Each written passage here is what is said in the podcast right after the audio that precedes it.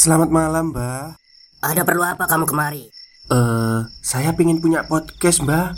Biar pacar saya makin cinta sama saya. Loh, loh, loh. Mau bikin podcast kok tanya dukun? Sekarang kamu download aplikasi Anchor.fm. Di situ kamu bisa buat podcast gratis dan podcast kamu bisa didistribusikan ke platform mana pun. Dan di aplikasi atau website Anchor.fm juga terdapat fitur-fitur yang memudahkan kamu untuk membuat podcast. Oh, gitu ya, Mbak. Kalau gitu, saya boleh minta password wifi-nya, Mbak. Buat apa? Buat download Anchor.fm, Mbak.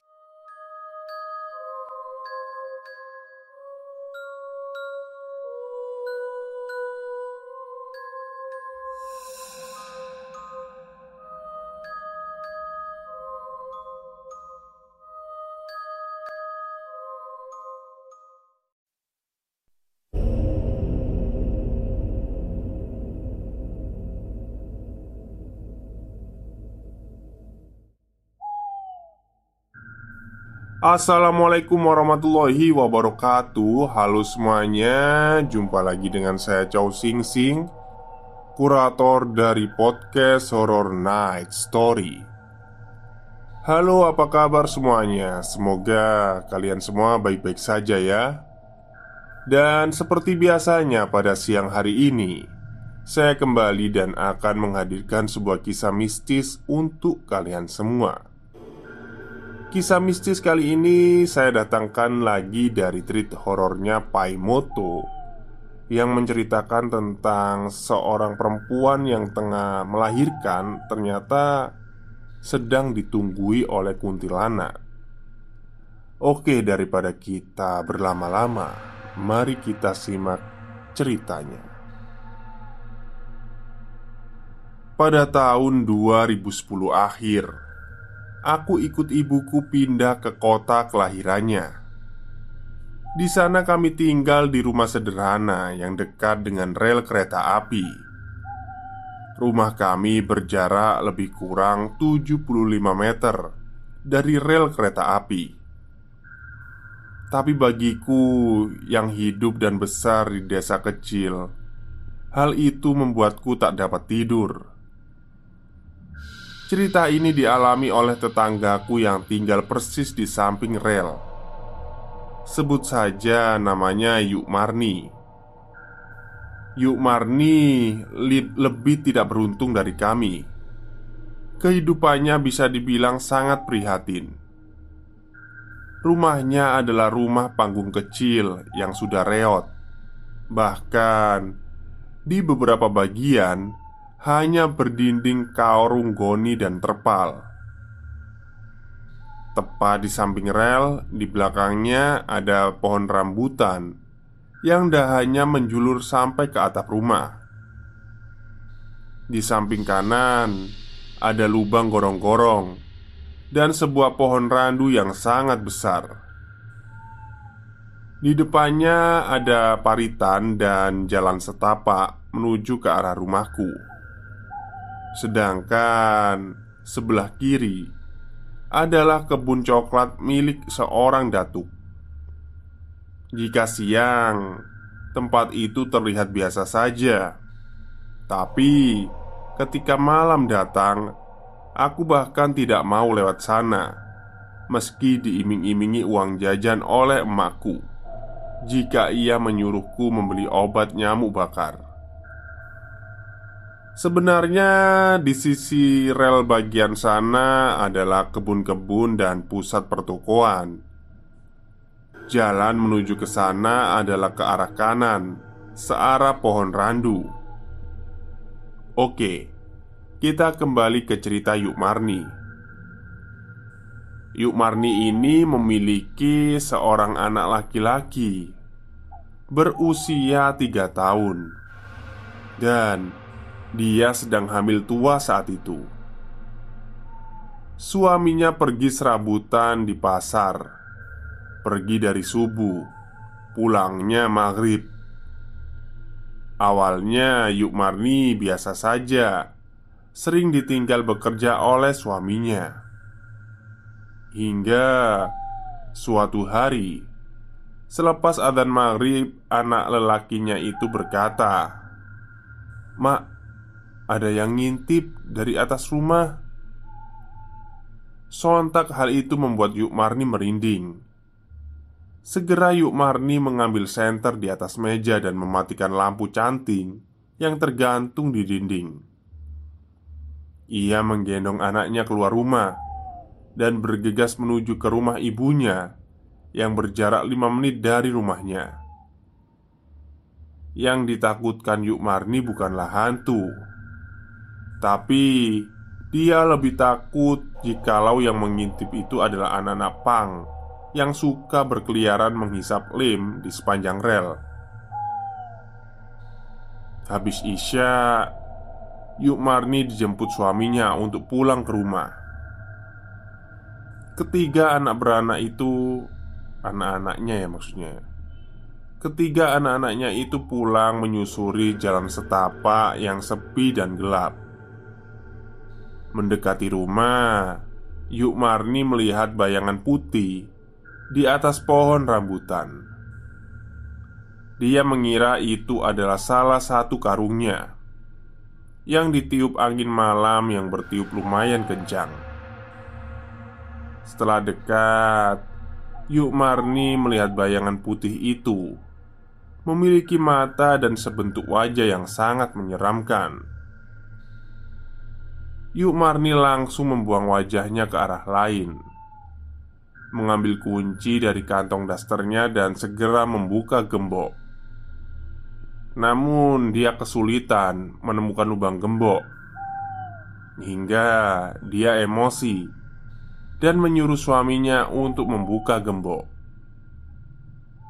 Setelah pintu terbuka, segeralah Yuk Marni masuk dan menghidupkan lampu. Setelah itu, mereka pun bersiap-siap untuk tidur. Anaknya yang memang sudah kelelahan segera tertidur. Begitupun suaminya Yuk Marni. Namun Yuk Marni belum bisa memejamkan matanya karena sejak kembali tadi dia merasakan sakit di perutnya. Baru saja dia hendak terpejam, dia mendengar sesuatu seperti menggaruk seng rumahnya. Seketika Yuk Mari teringat akan bayangan putih yang dia lihat tadi. Yuk Parni membangunkan suaminya Tapi suaminya hanya berbalik dengan mata terpejam. Alah, paling itu suara ranting rambutan bu. Besok aja aku akan nembang dahan itu Kata suaminya lalu melanjutkan tidurnya. Yuk Marni mencoba memejamkan mata lagi. Tapi kali ini seperti ada bunyi anak ayam yang mencicit di atas atap. Kemudian Terdengar seperti kaki ayam yang berjalan-jalan bolak-balik di atas atap. Perasaan Yuk Marni menjadi semakin tidak karuan Yuk Marni mencoba mendengarkan suara-suara itu Namun suara itu tidak terdengar lagi. Saat Yuk Marni mengabaikannya, suara itu kembali riuh di atas sana. Lalu, saat Yuk Marni menatap atap keseng itu, dia melihat sebuah mata yang juga menatapnya dari balik lubang itu. Hal itu membuat Yuk Marni menjerit sejadi-jadinya. Suami dan anaknya pun terbangun. Pak, ada mata yang ngintip di atas sana Kata Yuk Marni kepada suaminya. Suaminya bergegas keluar Untuk mengecek ke atas Tapi Tak mendapati siapa pun di sana. Stop, stop. Kita break sebentar Jadi gimana? Kalian pengen punya podcast seperti saya? Jangan pakai dukun Pakai anchor Download sekarang juga gratis. Dia kembali ke dalam rumah dan mengatakan bahwa tidak ada siapa-siapa di sana. Yuk Marni berkata sambil menangis, "Aku lihat, Pak. Aku lihat." "Sudah, tidurlah. Mungkin hanya perasaanmu saja," kata suaminya. Mereka pun kembali tertidur. Mendekati tengah malam, perut Yuk Marni semakin sakit. Sepertinya dia akan melahirkan. Dia pun membangunkan suaminya, dan suaminya berkata, "Dia akan menjemput ibu Yuk Marni yang juga seorang dukun." Entah apa yang dipikirkan suami Yuk Marni dia mengajak anak lelakinya meninggalkan Yukmarni sendirian di rumah. Beberapa saat setelah kepergiannya, seseorang mengetuk pintu rumah Yukmarni. "Siapa itu?" tanya Yukmarni. "Buka pintu, Marni. Ini emak." Jawab suara yang mirip suara ibunya. Yukmarni langsung membuka pintu di tangga berdiri ibunya. "Apakah kamu tidak akan menyuruh ibumu masuk?" kata perempuan tua itu. Yuk Marni lalu mempersilahkan dia masuk. Hujan mulai turun dengan deras. Angin yang menyelinap dari pintu yang terbuka mematikan lampu yang tergantung di dinding, membuat sekeliling rumah menjadi gelap. Yuk Marni meraba-raba meja untuk mencari senter Tapi emaknya hanya diam saja tak bergerak di depan pintu Tiba-tiba kilat menyambar dan sejenak menerangi rumah itu Dan menampakkan muka emak Yuk Marni yang sangat aneh Setengah bagian mukanya adalah emaknya Yuk Marni Dan setengah lagi Wajah seorang wanita buruk rupa dengan wajah hitam yang sedang menyeringai, menampakkan giginya yang hitam. Yuk Marni menjerit sejadi-jadinya, tapi suaranya teredam oleh derasnya air hujan. Sedangkan suaminya dan ibunya sedang berteduh mendadak. Mereka merasakan perasaan yang tidak enak. Mereka lalu memutuskan untuk menembus lebatnya hujan mereka mempercepat langkah. Sesampainya di rumah, Ibu Yukmarni melihat Yukmarni sudah tergeletak di kasur. Di sampingnya duduk seorang perempuan tua mirip dirinya. Ibu Yukmarni segera meraih sapu lidi dan mengibaskannya ke sosok perempuan tua. Dasar jin buruk rupa, kenapa kamu menyerupai aku? Apa kamu sangat malu dengan rupamu ini? Pergi, jauhi anakku Kata Ibu Yukmarni Konon Jika kamu bertemu dengan kuntilanak Maka kamu harus mengatatainya Mengata-ngatainya Supaya dia sedih dan pergi. Ternyata setan juga gak kuat Ngadepin body shaming.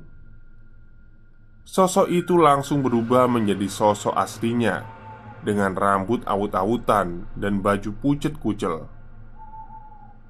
Dia terbang keluar melalui pintu dan hinggap di atas pohon randu Sambil tertawa terkikik Emak mencoba menyadarkan Yuk Marni Lalu bersiap-siap membantu persalinan Yuk Marni Sedangkan Suami Yuk Marni berjaga di depan pintu sambil berdoa. Sepanjang proses persalinan, kuntilanak itu tetap setia menunggu di atas pohon randu. Hingga bayi itu lahir. Adzan subuh berkumandang, dan kuntilanak baru menghilang dari pandangan. Emak pun meminta Yuk Marni, suami dan anaknya, untuk pindah sementara waktu ke kontrakan karena sepertinya makhluk itu masih belum puas sebelum mendapatkan apa yang diinginkan. Yuk Mirna, Yuk Marni setuju atas permintaan ibunya. Hingga beberapa lama rumah itu kosong dan proyek pembangunan lintasan baru rel membuat rumah serta pohon randu itu diratakan dengan tanah.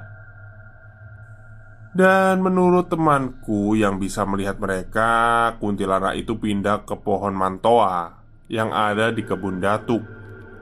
Dan beberapa kali masih terlihat terbang berkelebatan ke sana kemari saat ada orang yang hamil di kampung kami.